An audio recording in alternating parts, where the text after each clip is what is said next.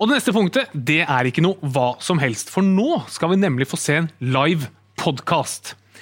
Og for alle oss som er vant til å bare høre på podkaster, vi vet jo at det i seg selv er bra nok. Så når vi nå skal få se dette her live, da skjønner vi at julenissen har vært ekstra tidlig ute i år. For podkasten den vi nå skal både få se og høre, den heter Femihelse. Og Femihelse har siden 2018 lært oss lyttere litt om kvinners helse og kvinners kropp.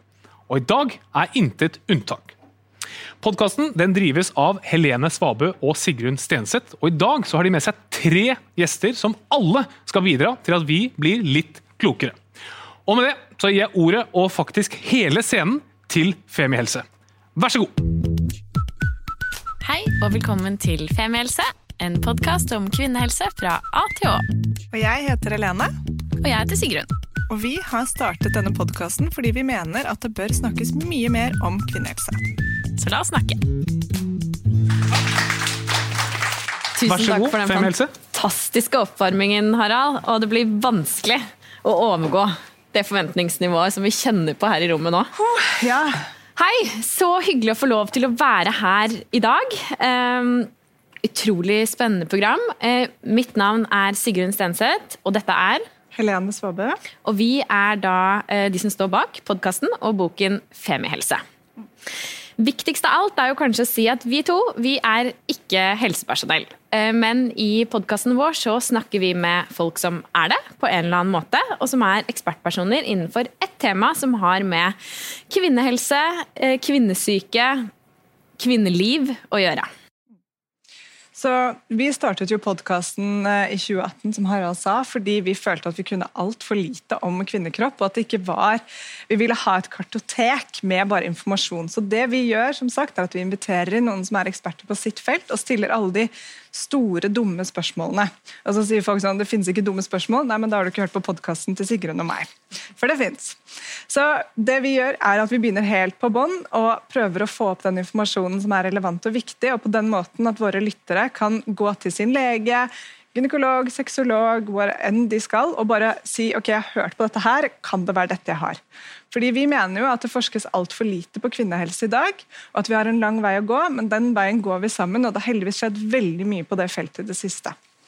Og I dag har vi med oss noen veldig spennende gjester, og her skal vi diskutere ikke nødvendigvis veldig sånn eh, eh, med leger eller eh, gynekologer eller sexologer, men vi skal snakke med mennesker som jobber med og brenner for temaer innenfor kvinner og rus. Så det har vi gledet oss til.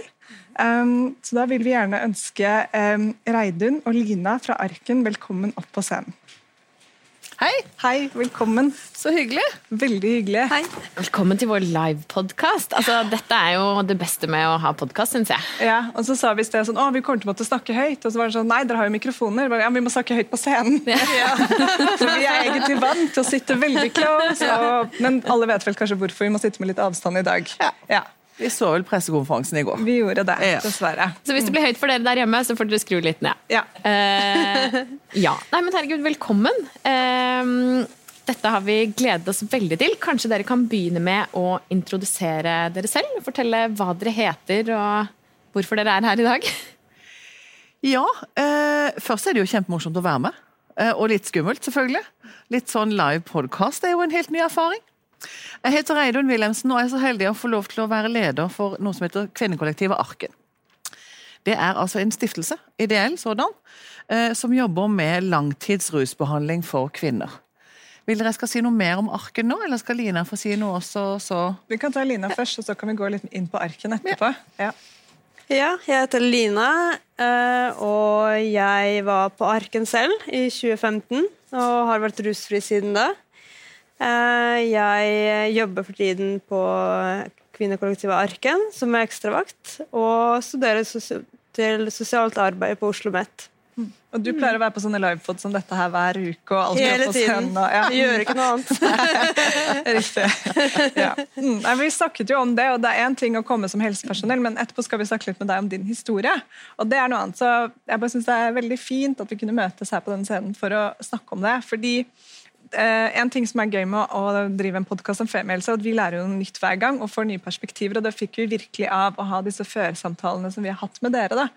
Så um, Viktig tema som vi er veldig glad for at eh, Aktis nå løfter opp sammen med, med dere på scenen her. Så da kan vi jo kanskje begynne litt Reidun, med, med tilbake igjen til arken. og Hva er det som er så spesielt med arken? Det som er så spesielt med Arken, er at vi er altså en institusjon bare for kvinner. Ikke ansatte, men eh, innlagte pasienter. Eh, flere eh, måter å si dette på, men jeg tror at en av Arken-kvinnene tidligere har sagt det selv best. Jeg kom inn som en jente og ut som en kvinne. Fokus på kvinnehelse har jo nå vært mye i hele dag. Og, og vi har da holdt på med dette siden 87, altså i neste år så er det 35 år. Vi var nok ganske ensom svane lenge i dette feltet. Så er det noen som har tatt Helsedirektoratets anbefalinger til følge og har avdelinger for kvinner osv., men så vidt jeg vet, så er vi den eneste eh, rene institusjonen bare for kvinner. Mm. Og dette er kvinner fra 22 år oppover. Eldste er vel par og 60, tenker jeg, akkurat nå. Eh, snittalderen er sånn type 5-6-37 år. Eh, vi tenker avhengighet til alle rusmidler, altså alkohol, illegale rusmidler, medikamenter, alle mulige ting. At avhengighet er avhengighet i forhold til rusavhengighet. Og eh, vi ligger rett ved Sinsenkrysset, så vi er i Oslo. Vi har ti plasser, som Kave sa tidligere her. Det er ikke så mange plasser for, for kvinner rundt omkring. Eh, og det er mange som eh, må vente lenge eh, for å komme inn parken fordi vi har så få plasser. Eh, og det er veldig vanskelig for kvinner som ønsker seg til et sted hvor det bare er kvinner. Og det handler jo veldig mye om at altså Kjønna behandling handler mye om at disse damene har langvarig misbruk, konsekvensene har blitt alvorlige, og har ofte tilleggsutfordringer som er knytta til seksuelle overgrep, vold og relasjonsskader. Som er en sånn stor bit i forhold til disse damene. Og Det siste som jeg tenker at er viktig å si noe om, det er rusprofil. Eh, fordi at den har endra seg ganske kraftig fra vi begynte til nå. De siste 10-15 årene så har hovedvekten eh, altså av kvinnene hatt hovedrusmiddel, alkohol, piller.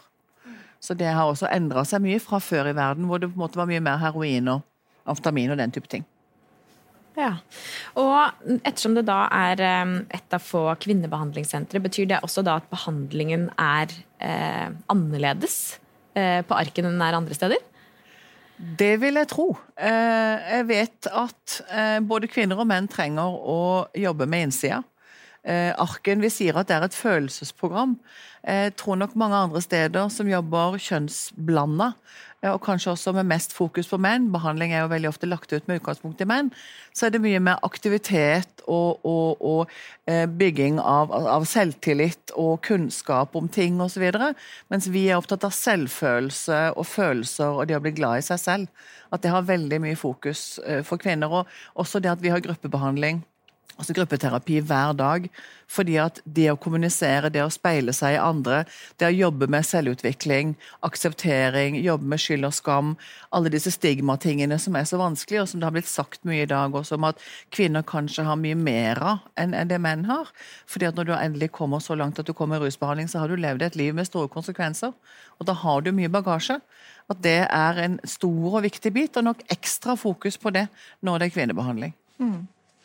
Um, du sa jo noe om at brukergruppen har endret seg, men allikevel, uh, eller kanskje ikke allikevel, men det er ganske få som søker behandling. Hva tror du kan være årsaken til det? Eh, det er nok litt sånn som det er blitt sagt tidligere her også, altså at for kvinner så er det mye mer stigma å ha rusavhengighet. Sånn at du vender deg mot psykiatrien, du går til fastlegen din og får medikamenter fordi du har angst, depresjon, du sier ikke noe om, at, du, at, du, også ruser deg. Eh, sånn at, det, at, du blir en del av psykiatrien ganske lenge før du eventuelt blir, eh, blir en del av, av, rusbehandlingssystemet gjennom at du faktisk innrømmer at det ligger i bånn som en utfordring. Mens for menn så er det mindre stigma å være rusavhengig og mer eh, å ha psykiske problemer, sånn at de går lettere inn i systemet og ber om hjelp i forhold til rusavhengighet. Mm. Så det er en typisk, altså Den der 30-70-forskjellen, 30 kvinner i rus, 70 eh, i, i, psykiatri og det motsatte for menn, den har jo vært over mange år, og den er ganske tydelig. Mm. Ja. Er det en uh, fordeling som er i endring, eller ser dere at flere kvinner søker seg til behandling nå enn tidligere, f.eks.? Eh, Jeg kan ikke si at det er flere kvinner som søker seg til rusbehandling, i hvert fall som, som vi vet. Eh, Og jeg vil jo tro at hvis det hadde vært sånn at det var flere kvinner som gjorde det, så ville det også poppa opp flere tiltak som var for kvinner. Men det gjør det jo ikke. Og jeg vet også at de som har eh, blanda behandling, sliter med at det kommer for få kvinner inn. Så at du er liksom to kvinner og 17 menn, det er en ganske vanskelig eh, situasjon å være i for de kvinnene.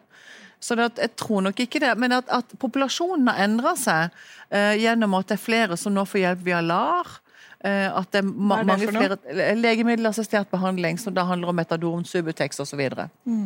Og det er da de som er avhengig av opioider. Eh, altså Det er snakk om, om, om, om substitusjonsbehandling her i forhold til det. Eh, mens at som vi har som sagt eh, fått mange flere som da ikke nødvendigvis har vært en del av dette kjente rusmiljøet du ser på gata, men rusmiljøet finnes jo veldig mange steder. At det er veldig mange som kommer til oss som da har en helt annen historie enn kanskje det man hadde tradisjonelt i gamle, i gamle dager. Altså da, da snakker vi 80-90-tallet. Men selv om det ikke er så eh, mange kvinner som søker seg til rusbehandling, opplever du at de kvinnene som gjør det, eller kvinner som sliter med rus, blir prioritert? Jeg kan jo ikke si at de blir prioritert i feltet. Eh, Det finnes ingen eh, egne avrusingsenheter for kvinner. Det var en eh, på Bergensklinikken i gamle dager. Eh, Den fins ikke lenger. For Arken er noe annet enn en Ja, du må på avrusing først, Ja. med medisinsk personell okay. som kan ivareta det døgnbasert før du kommer inn i langtidsbehandling. Og når du kommer til Arken, så bor du hos oss i ni måneder. Ja. Og jobber da med det selv. Og du trenger tid, sånn som det ble sagt her, annet fra Kava. Altså, du trenger mer enn en, en, en legetime som er et kvarter. Mm. Du trenger flere måneder for å på en måte klare å jobbe med deg selv og få det gode livet som du har lyst på. Eh, Men det er klart at når du skal på avrusing først, og der er det folk som er rusa, eller folk du har rusa det samme folk som har kjøpt det, eh, noen har slått det. Altså, vi snakket om vold her. Veldig, veldig mange av disse kvinnene har vært utsatt for vold. eh, Og har en erfaring med det, og på en avrusing i sin egen, sin egen region. Der er det jo da andre som er fra det samme miljøet også til stede. Veldig utfordrende. Veldig eh, begrensende for mange. Og folk som også drar fra avrusing før de kommer seg inn i behandling, fordi at det blir for utfordrende.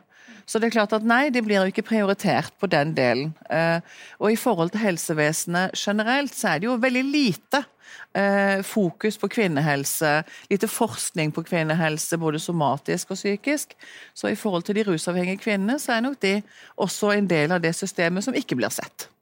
Ikke sant? Sånn at mannen er utgangspunktet også her, da. Ja. Blir dere prioritert, da? Arken? Får dere den støtten dere trenger? Eh, både ja og nei. Eh, Det vil si at eh, vi prøver å synes. Som, som lillesøstre i klassen. Eh, vi er jo en del av Helse Sør-Øst og har plasser eh, som er offentlig eh, kjøpt og betalt altså gjennom anbud med Helse Sør-Øst. Eh, og får være med eh, i fellesskapet der. Men det er klart at utfordringen vår er at du må ha såkalte varme senger. Det betyr at det må ligge noen i ni og en halv seng gjennomsnittlig hele året hos oss. Eh, Når en dame velger å dra fra behandling fordi hun da skal ut og ruse seg, eller er lei, eller ikke trives, eller det mannen er sluppet fra fengsel, og da må hun ut og hjelpe han. Det finnes mange varianter der. Så tar det jo en stund fra noen drar fra behandling, til vi får fylt opp den senga igjen. Det er ikke sånn at de står på døra og venter på å komme inn. Du må liksom ha tid til å plassere katten, flytte ut av en leilighet, forsøke å stikke av fra han voldelige fyren. Altså alle de tingene som er en del av livet ditt der ute. Og så skal du inn i langtidsbehandling. Det vil si at du skal være hos oss i ni måneder. Du trenger å pakke sekken og gjøre litt mer ting. Du skal jo flytte, Du skal flytte, og du skal flytte med sjela di i tillegg. Og kommer du for raskt inn og får du ikke med deg sjela, så får du det ikke til heller. Sånn at Da er det jo et gap på en fire til seks uker der hvor fra noen drar til noen kommer inn. Det gjør at vi har for lavt belegg. Eh, Og Det er ikke at vi har for liten pågang, men det blir vanskelig å få dette såkalt sømløst, som det så fint heter. Og i og med at det er produksjonskrav og alle de begrepene i, den, i denne verdenen hvor vi jobber med folk, så er jo det kjempeutfordrende. Så vi må betale tilbake til penger til Helse Sør-Øst hvert eneste år fordi vi har for lavt belegg. Det syns jeg ikke er så veldig Da blir vi ikke så veldig prioritert. Nei. Ikke sant. For det er gjennomsnittlig den tiden det tar å få fylt en seng? Fire til seks uker? Fire til seks uker tar det. Og så har vi jo krav på oss til 95 belegg. eh, Og det er jo utfordrende for alle oss private ideelle, selvfølgelig, i forhold til det offentlige, som har lavere beleggskrav.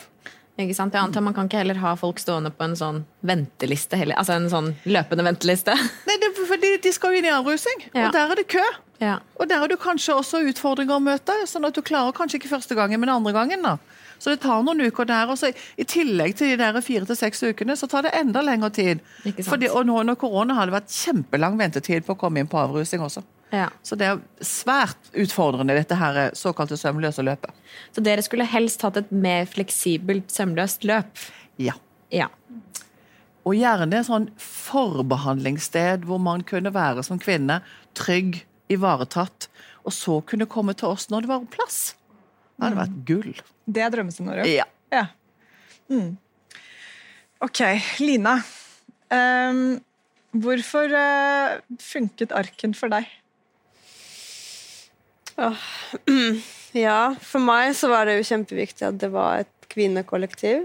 Eh, det var ehm, For når det, var, når det bare var kvinner der, så kunne jeg liksom slippe garden. ikke sant? Jeg kunne være meg selv 100% Jeg kunne snakke om de tingene og åpne opp for de tingene som var vanskelig. For som det ble sagt tidligere i dag òg, at uh, de fleste kvinner har ofte andre ting i bunnen, og så utvikler det seg et rusproblem. Sånn var tilfellet for meg. da. Sånn at det var mange av de tingene som gjorde sånn at jeg ruset meg, de poppa opp ikke sant, når jeg da ble rusfri. Og det trengte jeg å ivareta og få jobbe med. Og det fikk jeg jo liksom trygge, fine rammer til på Arken. For der jobba vi i grupper, jeg kunne kjenne meg igjen, vi var trygge. Vi utvikla sterke vennskap, sterke bånd blant kvinner, og det trengtes. Istedenfor å kanskje være i en sånn blandet behandling der eh, vi kanskje ble en rival, eller, ja, eller at man måtte ha det tøffe ytre for å Ja. For vi snakket jo litt om det, eh, nettopp det med å få eh, kvinner som venner på arken. eh, hvor viktig det var for deg. Um, og det miljøet som du kom fra, hvor det ikke nødvendigvis var gitt at kvinner på en måte passet på kvinner. og Mm. Um, mm. Fordi Det var i hvert fall en sånn aha-opplevelse for oss to. at det var sånn, Selvfølgelig gir det veldig meningen at disse tingene skal være delt. Først så tenkte jeg sånn Ikke sånn at det er diskriminering, men jeg tenkte hvorfor er det så viktig? Altså, det er jo Om man er rusmisbruker og trenger hjelp, er det så viktig at det er delt? på en måte. Da jeg hørte måten du forklarte det på, så ble jeg sånn der, wow, selvfølgelig. At man trenger en pause fra den dynamikken kanskje det miljøet har hatt. da. Mm. Um, og, og mange av disse kvinnene er du fortsatt, som du var på behandling med, er du fortsatt liksom, mm. gode venner med og close med? deg? Ja, det er klart det. Vi ble jo så godt kjent på, i løpet av de månedene som vi var sammen. Og det ble jo som familie. Så det er jo Så for meg så var det Det var så skummelt å dra på en rusbehandling med bare kvinner. Jeg tenkte bare der kommer jeg ikke til å klare.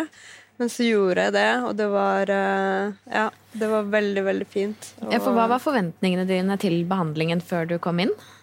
Jeg, trodde jo at det var, kommer til å bli så mye vanskeligere, og det kommer til å bli så mye mer drama, og um, at det kommer til å bli sånn Ja, kvinner Min erfaring med kvinner har jo ikke vært så veldig bra fra Hvordan før. Sånn i forhold til at det var veldig mye sånn um, Altså ja, stykke ryggen, ikke sant? at man eh, baksnakker hverandre, at det er mye drama. Og det opplevde jeg ikke på Arken. For der, vi, der ble vi på en måte Vi var sammen om det. Så selv om det kunne komme litt sånn Ja, litt drama var det jo. Det må jeg jo si.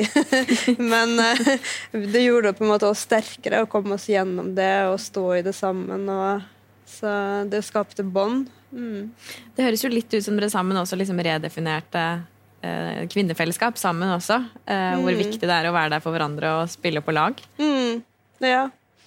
Men det var det. Den feminine kraften, den å stå sammen i ting. ikke sant? Fordi at eh, i den uh, mannsdominerte rusverden, så er det liksom så ble det ofte sånn at vi søkte det til menn ikke sant? og skulle ha beskyttelse fra dem. Noe som ofte slo helt motsatt, ikke sant? eller slo feil.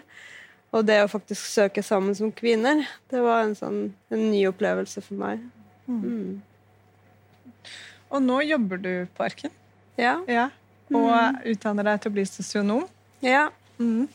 Jeg har jo veldig lyst til å jobbe innenfor rusfeltet. Og oppdaga det fort at jeg ikke kunne få noen annen jobb enn ekstra vakt uten utdannelse. For det har jo blitt strengere krav, og det syns jeg for så vidt er veldig bra. Eh, sånn sett. Så, men eh, Hvordan er det å være tilbake på arken nå, da? det er jo Jeg føler meg Uten som hjemme. Ja. Hjemme selv om du ikke bor der lenger? Ja. Jeg føler meg som hjemme, jeg føler jo de damene som kommer inn, de er jo på en måte en del av jeg ser på oss, Vi er sånn Arken-kvinner. Jeg ser på det som noe veldig stort og veldig som sterke, modige, flotte kvinner.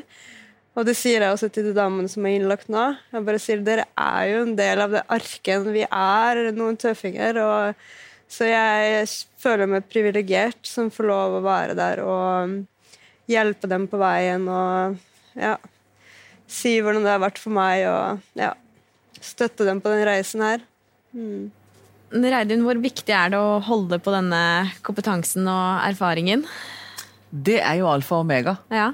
Altså For meg, eh, som ikke er tidligere rusavhengig, men har jobba i feltet i 30 år, så har jeg mye kompetanse. Men den egenerfaringen, den erfaringsbaserte kompetansen, den har jeg både i min faste stab og de fantastiske ekstravaktene, som jo i tillegg har vært på Arken sjøl, så de vet akkurat hva det handler om. De vet hva det går i. Sånn at de damene som kommer til oss, de får se håp på daglig basis. Både gjennom ekstravaktene, gjennom de som jobber fast hos oss, og også ettervern som kommer en gang i uka og er det samme. Så det å se at det er mulig, eh, det å bli sett, som ble snakket mye om her tidligere, og det å få tilbakemeldinger på at vi vet åssen du har det. Det går faktisk an. Du er ikke håpløs. Alle de tingene der er kjempeviktig, og vi kan bidra, men ikke minst de som har vært der sjøl. Det er noe med den tilliten og den kompetansen er så viktig for de som er hos oss. Altså Bare det du sa nå om å se håp på daglig basis, det fikk jeg frysninger av. Jeg føler at det er eh, Det høres veldig veldig viktig og fint og ja, vakkert ut. At man kan ta med seg videre. Det var jo kjempeviktig for meg òg. Det var jo mange av de ekstravaktene som jobba, som hadde egen erfaring, og som har vært der. Veldig viktig. Mm. Så bra. Tusen takk. Da skal vi runde av her. Eh, er det noe dere har lyst til å legge til før vi avslutter, eller føler, du, føler dere fikk sagt det dere skulle si? Jeg tror jeg fikk sagt det vi skulle si. Jeg syns det er veldig stas å være med. Ja, så bra. Eh, og så er det noe med å snakke fritt uten å ha et manus. Eh, som gjør at det blir det det blir. Og jeg tenker at det var det viktigste som ble sagt. Ja, det er bra. Det er det femmilsen skal være. Det er en samtale. Det blir det det blir. Så blir det det det blir. Bra. Tusen takk, Reidun. Tusen takk, Lina. Veldig Takk fint å snakke med dere. Vi tusler av gårde. Tusler av Tusen gårde. Yes. Takk for dere. Takk for at du kom. Vi kan i hvert fall si om vår neste gjest at eh, hun var min eh, livbøye på en fest. Er det sant? Ja, hvor du var gravid og orket plutselig ikke å være med på forlagsfesten. Og den festen. Ja. Ja. Og jeg kjente ingen, men tenkte jeg skulle gå og gjøre en innsats. Det var så, Da vet du hva? Da sto Sara der, og hun holdt meg i hånden hele kvelden. Så jeg ikke måtte kjenne på altfor mye eh, sosial angst. Så det var veldig deilig. Det er vanskelig å være en når man er vant til å være par. Ja, Så Sånn på en måte var hun din stedsfortreder der og da. Det burde kanskje være litt sjalu, egentlig. Ja, du, ja. Så det er mulig vi får se hvordan dette utvikler seg hvis dette går veldig bra. Ja, det, du Så- lener allerede langt mot venstre, syns jeg. Hei, og velkommen til Sara! Hei, Takk! Hei, Sara. Hei. Du var jo min livbøye på den festen òg, da, Helene. Ja. Vi fant hverandre. Vi fant Dere hverandre. to. Ja. Ja, oss to, da, vet du. Så hyggelig. Velkommen opp på scenen. Tusen takk. Vi skal snakke um, om et tema som Sigrun og jeg har vært litt sånn ah, Det er, det er et eh, Vi mener jo i Femihelse at ingenting er tabu, og at tabu hjelper ingen. Eh, og at alt skal snakkes om. Men eh, nå skal vi jo snakke om kreft og alkohol. Og det er jo ikke kanskje det letteste temaet å snakke om, syns vi i hvert fall. Fordi, nettopp kanskje fordi det snakkes så lite om. ja, og jeg gruer meg litt til å lære selv, jeg. Kjenner jeg. Ja, det, men det er jo litt sånn fakta man kanskje ikke alltid vil ha, og det skal vi jo komme litt inn på senere også. Men først, fullt navn, eh, adresse, nei da. Men i hvert fall, hvem er du, Sara? Ja. Mitt navn er Sara Unnland Milba, og jeg leder den seksjonen i Kreftforeningen som har ansvar for forebyggingsarbeidet. Um, og vi i Kreftforeningen vi jobber etter tre hovedmål. Og det ene er at færre skal få kreft, flere skal overleve kreft, og bedre livskvalitet for pasienter og pårørende. Og det er jo da dette første målet om at færre skal få kreft, som er det eh, oppdraget da, som jeg og den seksjonen jeg leder, jobber, jobber etter. Um, og så skal det legges til da at det, ingen av oss har jo noen garanti mot å få kreft, men vi kan faktisk gjøre ganske mye for å redusere risikoen. Uh, og det er ca. ett av tre krefttilfeller som henger sammen med levemåten vår. Sånn at forebyggingspotensialet er ganske stort, da. Ja, virkelig. Skal vi begynne med det største spørsmålet? Ja, la oss gjøre det. Er alkohol kreftfremkallende, Sara? Ja, jeg, føler, jeg er alltid liksom partypooper når eh, vi kommer, kommer inn på det, men det korte svaret det er ja, faktisk. Um, det er faktisk over 30 år siden Verdens helseorganisasjon klassifiserte alkohol som et eh, kreftfremkallende stoff. Og da plasserte de det i samme kategori som tobakk og radon og, og asbest. Eh, Og siden den gang så har vi nå dokumentasjon på at alkohol har sammenheng med syv ulike kreftformer, som er munn og svelg, og eh, strupe, lever, brystkreft og endetarm- og tykktarmskreft. Så det er ganske mange eh, kreftformer. Og så er det andre kreftformer hvor man har indikasjoner, men hvor man ennå ikke har hatt nok forskning til å kunne si det med sikkerhet. da. Så alle de stedene alkoholen passerer gjennom kroppen, på en måte, høres det ut som? Ja. Um, sånn at det- Og i, uh, i Europa så har man anslått at det er ca. 290 000 alkoholrelaterte dødsfall. Og 92 000 av de er da kreftrelatert, så ca. en tredjedel. Da. Eh, og i Norge så anslår vi at det er ca. 5% av alle krefttilfeller som kan tilskrives alkohol. Og det er jo i 2020 så var det jo da litt i underkant av 35 000 mennesker som fikk en kreftdiagnose i, i Norge. Så selv om 5% ikke høres så veldig mye ut, så er det jo i antall kreftdiagnoser så begynner det å bli, bli litt, da. Eh, og hvis vi ser litt fremover i tid også, så eh, er jo da prognosen at det vil være 10 000 flere kreftdiagnoser i Norge de neste ti årene. Så hvis man tar litt utgangspunkt i de tallene, så begynner man å snakke om ganske mange kreftdiagnoser da, som er forårsaket av alkohol. Dessverre. Vet vi noe om hvorfor alkohol er kreftfremkallende? Eller hva, hva er det som gjør det kreftfremkallende? Ja, eh, Det korte svaret på det, det er jo at eh, alkoholen omsettes til et eh, toksisk stoff, eller et helseskadelig stoff i, i kroppen vår, som er med på å skade cellene og, og DNA-et vårt. Eh, og det er det som er med på å, å øke risikoen da, for, eh, for kreft. Ikke sant? Så kommer det store spørsmålet som alle i denne avlyste julebordsesongen sitter kanskje og lurer på. Eh, Hvor mye eh, alkohol må til for at det blir kreftfremkallende? Ja. Mye eller lite, føler jeg. Eller lite. Ja, kanskje Hvor jeg ikke mye- skal legge det hvor mye kan vi jeg-? Ja, hvor mye Ja. kan man drikke? Ja, ikke sant? Og det, det, er veldig, det er viktig spørsmål, fordi at ofte når vi har snakket om alkohol i et sånn folkehelseperspektiv, og man har snakket om helserisiko, så er det ofte at man snakker om stordrikkerne og de som har et sånn risikofylt drikkemønster, ikke sant? som drikker seg ofte veldig, veldig fulle, og som drikker eh, mange ganger i, i uka. Men akkurat når det kommer til kreft, så finnes det eh, ikke noe sånn nedre trygg grense for når denne kreftrisikoen slår inn. Så det vil si at eh, vi kan ikke si at ehm, eh, du kan bare drikke et, Hvis du drikker ett glass vin i uken, eller du treffer venninnene dine i helgen og bare tar et par, eh, par pils, så, så slår ikke denne risikoen inn. Det kan man ikke si med sikkerhet. Så akkurat når det kommer til til kreft og kreftrisiko så handler det ikke bare om disse stordrikkerne og de som drikker seg eh, fulle veldig ofte. Det handler også om deg og meg som liker å ta et glass vin til maten og ja, treffe venninner over noen, noen øl i, i helgene. Da. Men samtidig så sa, vi, sa du, når vi snakket sammen eh, før vi gikk på scenen her, at hvis alle hadde, som jeg har tenkt veldig mye på, hvis alle hadde drukket ett glass mindre, så kunne det ha betydd ganske mye. Ja, eh, hvis alle hadde drukket et glass mindre, så vil det synes på kreftstatistikken eh, i, i fremtiden. Og, og Kreftregisteret har også estimert at eh, hvis eh, nordmenn halverer alkoholkonsumet sitt, så vil vi kunne forebygge 3200 krefttilfeller innen 2025. Det er Sånn- mange. ja. Sånn at det, eh, og så er det en del av de um, altså sånn munn og hals, strupe og, og leverkreft, det er de altså, tradisjonelle alkoholkreftformene. Og der ser man ofte en veldig sterk sammenheng med, uh, med de som drikker veldig mye.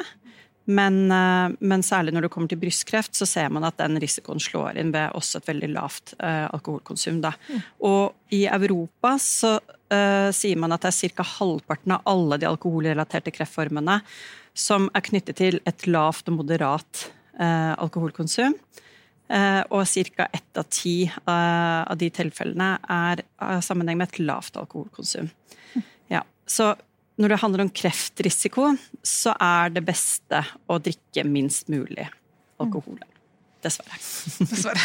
Eller bra. Ja. ja. Da vet vi det. Ja. ja. Um, og i dag har vi jo et eh, spesielt eh, fokus på kvinnehelse. Går det an å si noe om Er det noen eh, kreftformer knyttet til alkohol som rammer kvinner spesielt? Altså Nå har du jo nevnt noen, da, men er det fordelt på begge kjønnene, eller er det først og fremst for kvinner? Ja, ikke sant. Brystkreft er jo en av de kreftformene ja. eh, hvor man har mest kunnskap om sammenhengen mellom alkohol og, og kreft. I Europa så sier man at det er ca. ett av fire brystkrefttilfeller som da har sammenheng med lavt alkoholkonsum. Um, og i Norge så er det vel ca. 250 brystkrefttilfeller. Dette er tall fra Kreftregisteret fra 2016, da. så det begynner å bli noen år siden. Med ca. 250 brystkrefttilfeller hvert år som kan tilskrives alkohol. Mm. Um, sånn at det, det er forekomst av brystkreft også i Norge som har sammenheng med, med alkoholkonsum. Og så er det innenfor altså forebyggingsverden, da, når vi snakker om forebygging også rent som faglig, så snakker man ofte om noe som heter forebyggingsparadokset. Uh, og det er at Sånn som i Norge, så er det de fleste av oss drikker litt eller moderat. Det er få som, som drikker veldig, veldig mye. Sånn at uh, det er det store forebyggingspotensialet. Det er egentlig i de store gruppene hvor det er Um, uh, altså mange mennesker som drikker moderat eller lite. Mm. Uh, sånn at hvis alle disse hadde redusert konsumet sitt lite grann, så ville det ha størst effekt på, på folkehelsa. Da. Uh, og når det kommer til brystkreft, så ser man også, eller det vet man at den risikoen den øker for hver alkoholenhet. Da. Så det kan være lurt hvis man er bekymret for brystkreft. Uh, eller, og kanskje innimellom bytte ut et glass med noe alkoholfritt. Eller reflektere litt over sitt eget uh, alkoholkonsum. Da, Når er det jeg drikker? Hvor ofte er det? Uh, kan jeg bytte ut med noe alkohol, uh, alkoholfritt? Eller ja. Mm.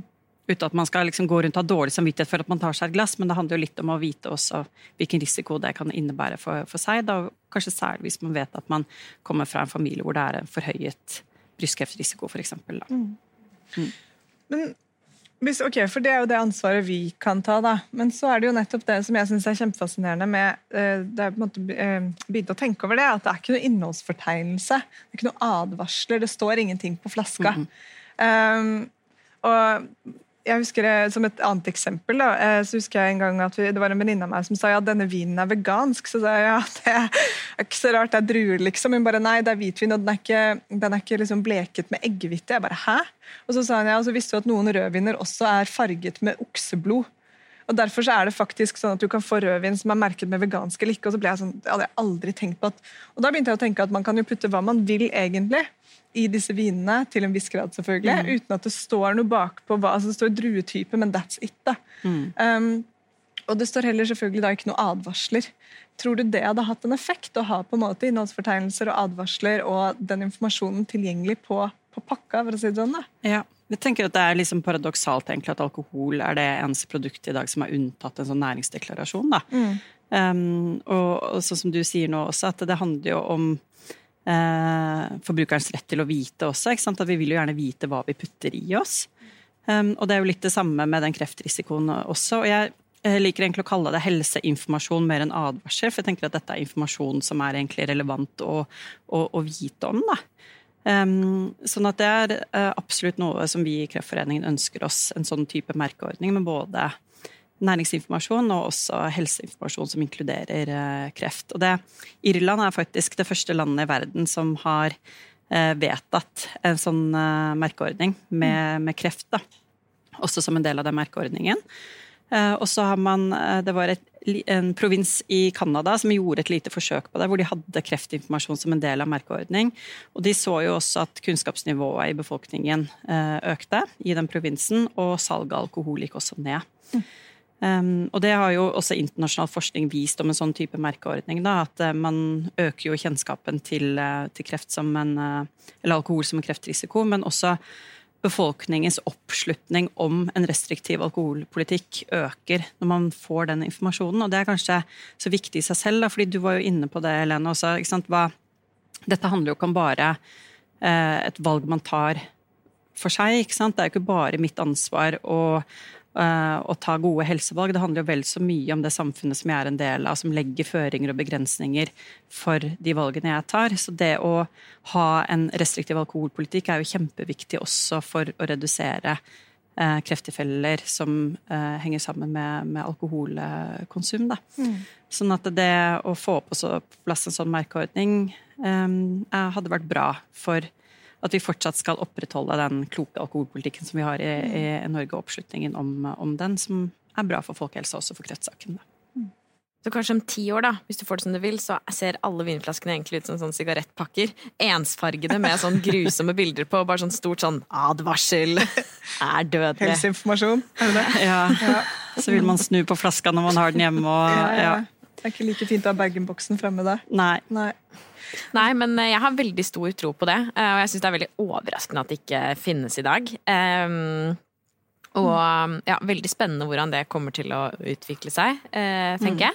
Men um, som jeg sa innledningsvis, så har jeg jo på en måte grugledet meg litt til denne samtalen. Um, og jeg føler at det er mange som kanskje føler det som jeg gjør. For det er jo ikke noe som snakkes spesielt mye om. Vi har tatt opp eh, litt i noen episoder mm. før og prøvd å snakke litt med venner og de eh, rundt meg om dette. Men det er jo lav eller ingen kunnskap, har jeg mm. møtt om temaet. Hva tror du er grunnen til at dette snakkes så lite om? Både liksom på samfunnsnivå, men også oss imellom, da.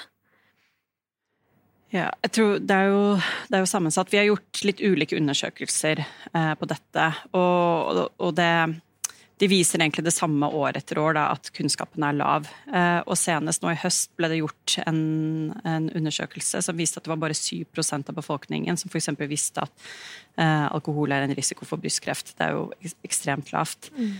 Um, så jeg tror Det ene henger nok litt sammen med at vi, vi har ikke lyst til å ta det helt innover oss. Og det er, liksom, det er litt interessant, fordi da eh, de første forskerne eh, på starten av 1900-tallet begynte å dokumentere at det var en sammenheng mellom alkohol og, og kreft, så var jo deres umiddelbare reaksjon egentlig helt identisk. De, de, lukket øynene for det, ville egentlig ikke forholde seg til det. Så det er nok litt sånn i menneskets natur at det Vi liker jo å kose oss med alkoholen, og den gir oss mange gleder. Ikke sant? Så, så de negative sidene har vi lyst til å ignorere litt. Alkohol er en veldig stor del av norsk kultur også. ikke sant? Nå nærmer det seg jul. Det er øl og akevitt, det er champagne på nyttårsaften, det er eh, champagne når vi skal feste, det er lønningspils, ikke sant? hvitvin til reker. Altså, det er veldig mye av det vi gjør som alkohol inngår i. Så det er klart at med en gang du får, um, får litt det kreftspøkelset over, så, så syns vi jo det er med på å spolere hyggen. Men um, men, og, og, vi som kreftorganisasjon har selvfølgelig et ansvar også for å, å, ta opp dette og snakke om det. Men vi tenker også at helsemyndighetene har forsømt seg litt her. Da. At dette er jo egentlig noe som vi, de burde tatt ansvar for, og sørge for at flere får vite om. Eh, sånn at man kan ta eh, gode helsevalg på vegne av seg selv. Da. Mm. Så det, ja, det, er, det er, sammensatt, men uh, vi, vi, trenger å få opp kunnskapsnivået, uh, rett og slett. Og at vi kan vite altså det veld, Når det kommer til kreft, så er det veldig mye vi eh, ikke kan sikre oss mot. Men da handler det kanskje om å få nok kunnskap som gjør at vi kan ta de valgene som vi faktisk kan gjøre noe med for å redusere den risikoen. Og det tror jeg det er ganske mange av oss som ønsker å kunne gjøre. Mm. Um, og vi får jo også tilbakemeldinger Eh, fra eh, kreftpasienter eh, de gangene vi har løftet denne fanen høyt da, fra, fra Kreftforeningens ståsted. Som også sier hvorfor er det ingen som har fortalt meg om dette før? Hvorfor er det ingen leger, ingen i møte med, med helsetjenesten, ikke noe offentlig kommunikasjon der ute som har fortalt meg at jeg utsetter meg for en kreftrisiko når jeg drikker alkohol. Mm. Um, og så er det jo selvfølgelig må det balanseres opp mot at man ikke skal legge sten til byrden til, som, til de som får en kreftdiagnose. Skyld og skam, det har vi jo snakket masse om eh, her i dag også. Det tar oss ingen, ingen steder. Men vi må klare å balansere behov for informasjon mot, um, mot det å ikke legge sten til byrden til uh, de som allerede har en kreftdiagnose. Og det er en vanskelig kommunikasjonsutfordring, men det betyr ikke at man ikke skal gjøre det. Mm. Nei, for Det er nettopp det, nettopp det med, med, kreft som er uh, så vanskelig, og de aller fleste kjenner vel noen som har dessverre fått kreft en gang. Og, og, nettopp det med å, å måtte si sånn det er fordi du spiste liksom salami, eller fordi du på en måte ja, røyka da, eller drakk alkohol. ikke sant? Og så er det jo mange ganger det ikke stemmer heller. Mm. Så hvordan kan man snakke om det, eller det, skal man snakke om det med noen som har kreft? Det er liksom en sånn vanskelig eh, Kjempevanskelig, da. For det er nettopp det med å ikke legge sten til byrden på den skammen. Mm. Mm. Ja, det er det. Det er, kjempe, det er kjempevanskelig. Så det, det, er litt sånn den spagaten vi i Kreftforeningen også står i. Men vi tenker jo at vi også har en liksom plikt da, og en del av vårt samfunnsoppdrag også å faktisk dele denne informasjonen med, eh, med befolkningen der ute. Og det, og det, tror jeg er kjempeviktig også når man snakker om det. At når man snakker om risiko og sannsynlighet, så snakker man jo om befolkning. Større grupper av mennesker. Mm. Og så vet vi jo ikke hvordan det slår ut for deg og hvordan det slår ut for, for meg. Det kan vi aldri si med sikkerhet. sånn at det, vi snakker om dette på, på, ulike nivåer. så Det tror jeg det er litt viktig å ha med seg. da. Mm. Mm. Hva tenker du at vi kan ta med oss um, i dag når vi går herfra og skal møte familiene våre og venner når vi får lov til det etter hvert. Men uh, hvordan kan vi snakke om dette eller ta det opp på en måte som ja, som gjør at det kanskje er litt enklere å snakke om. Har du noen tips til det? Et sted å starte? Ja, jeg tror, jeg tror, det er viktig å si, sånn som vi i Kreftforeningen, vi maner heller ikke til total avholds. Alkoholen er, er, her, den har kommet for å bli. Eh, men det er jo ganske mange myter ute og går også. At man snakker om at et glass rødvin er godt for, for hjertet og, um, så, og, det tror jeg er kanskje viktig å bare slå fast her og nå. At det kan være mange grunner til å drikke alkohol, men at det er helsebringende, det, det er det ikke. Um, og så tror jeg det er uh, viktig også å si at det, man trenger ikke å kutte ut alkoholen helt. Men det å drikke ett glass mindre innimellom, det kan faktisk være bra for helsa di. Da. Sånn at dette som egentlig alt annet når vi snakker om livsstilsendringer, så, så handler det om å kanskje legge lista der hvor det er håndterbart for folk å ta inn over seg den informasjonen. At man ikke sier at nei, nå skal du kutte ut alkohol over så og så lenge, eller du skal ikke drikke, men kanskje sette seg noen, eh, noen mindre mål. da, ikke sant? At det er litt sånn, jeg trenger kanskje å ikke ta den siste ølen, eller kanskje jeg skal bytte ut det glasset med noe, med noe, alkoholfritt. Og også si at vi vet faktisk ikke at det er en trygg nedre grense når det kommer til kreftrisiko og alkohol, og det kan være lurt å ha med seg det også for alle oss som drikker eh, alkohol. Mm. Og, og, liker å nyte det også. Mm. Mm. Ikke sant? Så fint. Jeg tror hele tiden tilbake igjen til det med bevisstgjøring og kunnskapsdeling og tørre å snakke om dette uten at det er tabu, så tror jeg for egen del ok, men kanskje man ikke skal ta Bare fordi man åpnet opp den flasken med rødvin på lørdag, så trenger man kanskje ikke å drikke den opp på søndag bare fordi den står der. Fordi hvis jeg vet at men dette kan jo være kreftfremkallende, bare liksom litt ned på konsumet uten at det nødvendigvis tar bort det jeg syns er gøy med, og gledelig med alkohol. Mm. Mm. Så ja, det er kjempeinteressant at det er så lite på en måte markert og snakket om ja, fra, fra, fra, på en måte staten. Da. Mm. Ja, og det, og det, er jo vi har jo også en alkoholindustri som ikke er så interessert at produktene sine heller skal assosieres med en kreftrisiko. Mm. Så, og de liker jo veldig godt å snakke om dette med liksom risikofylt drikkemønster og stordrikkerne, og mye mindre om oss som drikker litt mm. eh, innimellom. Men akkurat når det kommer til kreft, så er det en helserisiko som også gjelder for oss. Da. Mm. Så det ja. Mm. Ja, nei, altså Nå har jo vi snakket mye om helse i mange år, Helene, og dette er vel eh, eh, Jeg tror ikke vi har fått denne informasjonen tidligere. for å si sånn. Det er ingen som har eh, nevnt det, så jeg tenker at det er på tide mm. at vi både snakker om det her i dag på konferansen, men også alle dere som hører på eh, denne podkastepisoden på et eh, senere tidspunkt. Um, at det er, eh, som du sier, informasjon som er viktig å ha, og som veldig få har. Um, før vi begynner å runde her, nå er tiden vår straks over, har du noe du har lyst til å legge til? Jeg tror det er i hvert fall viktig at man, man skal ta denne kunnskapen til seg, og så skal man eh, allikevel ikke ha dårlig samvittighet eller gå rundt med en sånn klump i magen for at man tar seg et glass. Det er mange ulike grunner til at man kan bli, bli syk og få, få, få, kreft også, eller andre, andre sykdommer. Um, men, eh, og det er ikke bare hver og enkelts ansvar for å sørge for at vi holder alkoholkonsumet nede i samfunnet. Det er først og fremst et politisk ansvar å sørge for at vi har et samfunn som oppmuntrer også til å um, drikke alkoholfritt, og hvor det er tilrettelagt for å også kunne drikke alkoholfritt. Da. Så jeg tenker at det, Og det gjør jo er en av de viktigste grunnene til at vi i Kreftforeningen også jobber så mye samfunnspolitisk med dette temaet som vi gjør. Da.